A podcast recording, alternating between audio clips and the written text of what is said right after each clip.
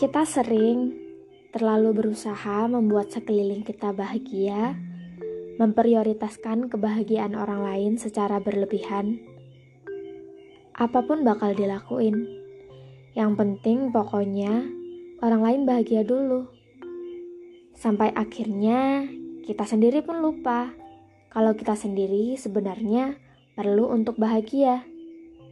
Jadi please, tolong banget diingat, self love itu bukan egois.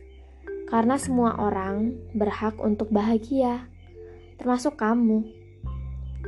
Dan berjuang untuk kebahagiaan kamu, selama itu gak ngerugiin siapa-siapa, itu bukanlah hal yang salah. Justru, itu kewajiban dan tanggung jawab kamu. Jadi, mulai sekarang, gak usah insecure, gak usah overthinking, selalu positif, percaya diri, dan selalu tersenyum. Semangat!